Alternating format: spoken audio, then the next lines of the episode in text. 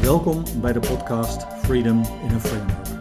In de vorige aflevering heb ik je meegenomen in de grondslagen van verbinding. In deze aflevering ga ik je meenemen naar alles wat te maken heeft met frameworks. Titel van deze aflevering is Energizing Frameworks, omdat uiteindelijk, wat mij betreft, frameworks zodanig moeten werken dat ze echt mensen energie geven. Alle menselijke interactie heeft baat bij frameworks. Als we om ons heen kijken in de samenleving, als we om ons heen kijken in elke vorm van organisatie, als we kijken naar onze gezinnen, dan hebben we met elkaar als mensen afspraken gemaakt die begeleidend zijn en ondersteunend zijn ten aanzien van ons gedrag. En al die afspraken met elkaar, elke vorm van die afspraken, hebben we uiteindelijk neergelegd en kunnen we formaliseren, in een bepaalde mate formaliseren. En de mate waarin we die formaliseren, leveren ze voor ons een bepaald framework op. Uiteindelijk is een cultuur die we in een samenleving hebben, is een framework. Maar ook de wettelijke afspraken, de grondwetten en alle andere vormen van wetten die we hebben, dat zijn frameworks. Ik zelf ben van nature niet iemand die ontzettend veel houdt van uh, regeltjes. Uh, ik ben meer iemand die ontzettend om, uh, houdt van mijn eigen vrijheid. Als ik bijvoorbeeld kijk hoe ik zelf, als ik op vliegvelden ben en hoe ik omga met de regeltjes, et cetera, dan is dat niet altijd netjes. Ik herken bij mezelf dat ik probeer voor te dringen of wat dan ook. Dus dat zijn momenten waarop ik daar niet echt van hou. Of als ik naar een stoplicht toe ga, dat ik zo'n ongeveer de definitie aanhoud dat oranje een soort variant van groen is. Dus dat ik nog net kan doorrijden. Dus er zijn allerlei situaties waarin ik zelf altijd wel geprobeerd heb om de regels en de frameworks een beetje naar mijn eigen richting toe te sturen. Door de tijd heen ben ik toch die frameworks wel meer gaan waarderen. En dat heeft eigenlijk vooral met twee situaties te maken. Ten eerste met mijn opgroeiende kinderen. En ten tweede met de vele reizen die we gemaakt hebben. Als ik denk aan de situaties met mijn opgroeiende kinderen, ja, dan was ik toch wel blij dat we gewoon stoepranden hadden waarvoor we afspraken dat het mooi is om te stoppen. Of dat we een zebra hadden waarop het een veilige plek is om over te steken. Of dat we inderdaad toch gewoon afspreken dat een rood stoplicht een rood stoplicht is waarvoor we stoppen met elkaar. Dat soort van frameworks zijn uiteindelijk uh, uh, de grondslag van een veiligheid om met elkaar op straat gewoon om te kunnen gaan. Mijn internationale reizen en de, de, vele bezoeken die ik heb kunnen doen aan allerlei andere landen hebben ertoe geleid dat ik ook op een andere manier frameworks toch wel ben gaan waarderen. Ik ben in veel landen geweest waarin frameworks eigenlijk nauwelijks aanwezig zijn en waarin er een soort uh, collectieve chaos is, waarin er veel meer geleefd wordt vanuit een soort collectieve chaos. En waarin ook allerlei normale reguleringen van een samenleving, of dat nou te maken heeft met hoe je omgaat met waterleiding, met riolering, met elektriciteit, met wettelijke afspraken, met verkeersafspraken. Allerlei soorten van afspraken die te maken hebben met de onderlinge interactie van mensen. Eh, maar bijvoorbeeld ook heel belangrijk met de afspraken die we hebben rondom het betalen van belastingen in een samenleving.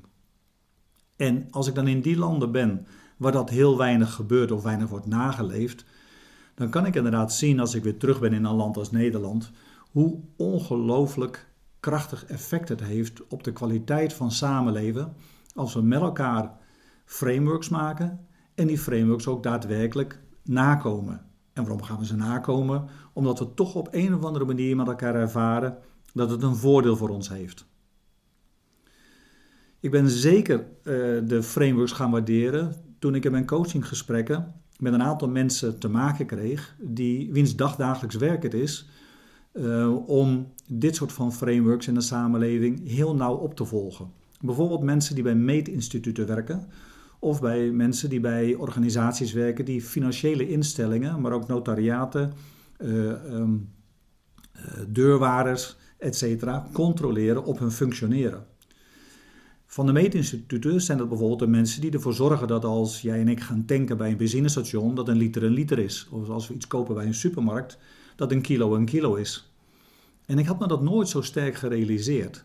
Maar met deze mensen in gesprek zijnd en van hun ook de passie horend waarmee zij praten over hun dagelijks werk en het enthousiasme wat zij hebben, over wat zij daarmee brengen als een soort smeerolie in een samenleving en als een soort uh, context voor het echt goed kunnen functioneren van een samenleving, Dat vond ik wel heel bijzonder en dat deed me eigenlijk steeds meer frameworks waarderen. Tegelijkertijd, ik ken frameworks ook als heel beperkend. Uh, als ik om me heen kijk, uh, en ik heb ook vroeger toen mijn kinderen jong waren, als ik op de schoolpleinen keek, naar hoe ouders om kunnen gaan met kinderen, ja, dan kan dat heel erg strak, regulerend uh, en beperkend zijn. Als ik kijk naar schoolsystemen en hoe die omgaan met de ontwikkeling van mensen, dan kan me dat soms benauwen. En kan ik dat echt zien en ervaren als opnieuw weer strak en één format en een vaste manier en vaste condities en vaste reguleringen.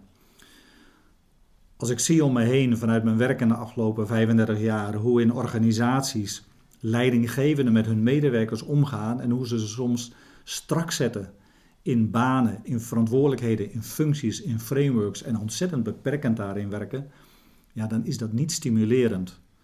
Als ik kijk hoe private equities of hoe hoofdkantoren omgaan uh, met doelstellingen zetten, met targets zetten, dan kan het ontzettend benauwend, verlammend, uh, beperkend werken op organisaties.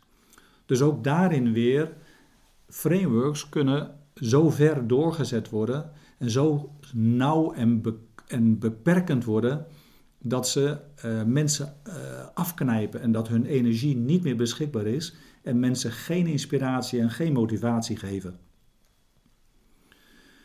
De crisis die we met elkaar hebben meegemaakt in 2008 en 2009 is wat mij betreft ook een goed voorbeeld hiervan. Uh, we hadden altijd met z'n allen in ons collectieve bewustzijn dat banken er waren om een bepaalde veiligheid, continuïteit en stabiliteit voor een samenleving te verzorgen.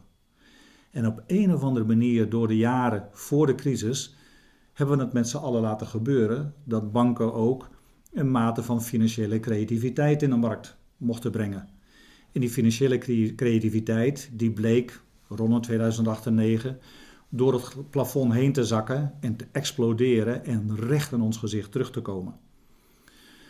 Op dat moment, wat je hebt gezien, is dat er vanuit de samenleving, vanuit alle fronten van de samenleving, we met z'n allen opnieuw zeiden dat mag nooit meer gebeuren. En we hebben toen geprobeerd, met z'n allen, om door middel van het uh, institutionaliseren van het functioneren van financiële instellingen uh, en door het middel van het aanhalen van alles regels en reguleringen, dus het creëren van nieuwe frameworks, dat opnieuw weer veel krachtiger in het gelid te zetten. Daarin hebben we met elkaar ook gezien wat zowel de kracht is als ook de beperking is van een framework. Want de frameworks die op dat moment zijn geïnstitutionaliseerd, werden vooral uh, gereguleerd via de compliance afdelingen van de banken, die op allerlei manieren uh, de regelgeving volledig moesten controleren van alle activiteiten die een bank vanaf dat moment in de samenleving deed. Dat heeft aan de ene kant heeft dat een kracht en een framework gegeven, maar tegelijkertijd is er op dat moment vanuit alle onderzoeken die gedaan zijn wel gebleken dat het feitelijke gedrag van veel bankiers nog niet veranderd is. Dus aan de ene kant zie je dus dat de kracht van een framework is dat het uh, wel degelijk begrenzingen en context en uh, begeleiding geeft. Tegelijkertijd is het nog steeds daarbinnen noodzakelijk om met elkaar uh, het gedrag te ontwikkelen, zodanig dat het een en ander goed kan functioneren. Voor een organisatie heeft daarmee een framework als doel het begeleiden, het bewaken en het faciliteren van de samenwerking en de gedraging in een in, uh, tussen de mensen in die organisatie. Uiteindelijk gericht op het realiseren van de visie en de strategie. In het, in het maken van deze reguleringen, in het maken van deze afspraken, zien we tegelijkertijd wel terugkomen wat in een van de eerste podcasts naar voren is gekomen, namelijk het spanningsveld tussen de noden die mensen hebben, de behoeften die mensen hebben en de behoeften die organisaties hebben. Want mensen hebben met elkaar uiteindelijk die behoefte aan een bepaalde mate van vrijheid en een bepaalde mate van autonomie en het uitdrukken van hun eigen uniciteit. Organisaties hebben die behoefte aan de sameness, de regulering, de procedures en alles wat ermee komt kijken. En uiteindelijk waar het om gaat bij een framework, is dat je in staat bent om die framework zodanig bij elkaar te brengen dat mensen ze accepteren en dat organisaties er baat bij hebben.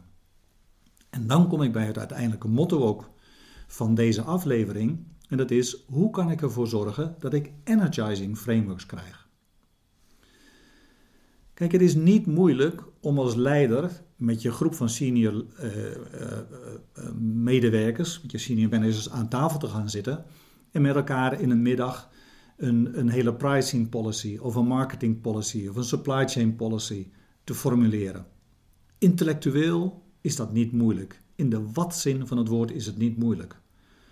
Maar de vraag is, als jij dat of als jullie dat met elkaar gedefinieerd hebben en daarna als een soort van fait accompli, als een framework de organisatie insturen, in welke mate mensen daar ook enthousiast over zullen zijn en zullen zeggen van ja, maar dat zie ik helemaal zitten en ik ga ook als zodanig daarmee aan de slag.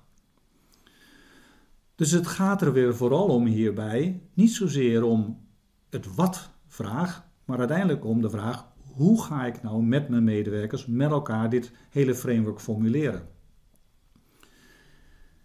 En dan gaat het er weer om om een proces op te zetten, een proces zodanig dat medewerkers betrokken raken in het formuleren en definiëren van de frameworks die noodzakelijk zijn. En daar zitten een aantal stappen in. De allereerste stap die nodig is om te doen, is dat je met de groep van mensen die, uh, die hiermee aan de slag gaat, mee aan de slag moet gaan, zegt: Is het nodig om op dit terrein, bijvoorbeeld op het terrein van de pricing policy, is het nodig om op dat terrein een framework met elkaar af te spreken? Een framework waarbij marketing, verkoop, financiën, uh, supply chain, inkoop met elkaar zeggen: Oké, als we dit framework hanteren, dan zullen we ook met elkaar de rentabiliteit en het rendement van de organisatie kunnen garanderen. Nou, vanzelfsprekend is het antwoord daarop ja. Een, een, een, pricing policy is absoluut nodig. En zo zijn er vele frameworks nodig. Maar dat is stap 1. Je zegt oké, dit is het doel van het framework en het is daadwerkelijk zinvol voor ons en daarom gaan we ermee aan de slag. Vervolgens, de volgende stap is dat je een groep van medewerkers die representanten zijn van de verschillende domeinen die straks met het framework moeten gaan werken, dat je die bij elkaar zet en dat je aan hen vraagt: willen jullie alsjeblieft met elkaar een zo beperkt mogelijk framework formuleren, wat tegelijkertijd recht doet aan elk van jullie functionele domeinen en wat recht doet aan het functioneren van de totale organisatie maar waarbij tegelijkertijd jullie met elkaar ervaren dat je voldoende vrijheid hebt om je eigen werk te kunnen doen. Op het moment dat zij met elkaar aan de slag zijn gegaan en met een resultaat zijn gekomen, is de volgende stap dat je dat voorlegt aan een grotere groep van mensen die hiermee te maken zullen gaan krijgen. Dus niet meer de representanten, maar de collega's van deze representanten. Dat je hun de gelegenheid geeft om feedback te geven op datgene wat er daadwerkelijk is geformuleerd, in welke mate het zal werken of niet zal werken. En dat je vervolgens die kleine groep van representanten weer de mogelijkheid geeft om hun voorstel bij te stellen. Daarna laat je dat voorstel naar bijvoorbeeld je directieteam toe komen. En in je directieteam zul je op dat moment zeggen: Oké, dit is vanaf nu het framework zoals we dat gaan hanteren. Wat je op die manier doet, is dat je de groepen van medewerkers die nadrukkelijk te maken hebben met het functioneren van het framework, zelf betrekt bij het formuleren van het framework.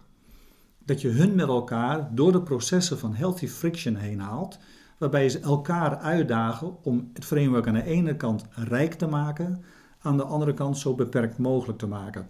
En zo dienend mogelijk te maken aan ieders afzonderlijk en elkaars gezamenlijk functioneren.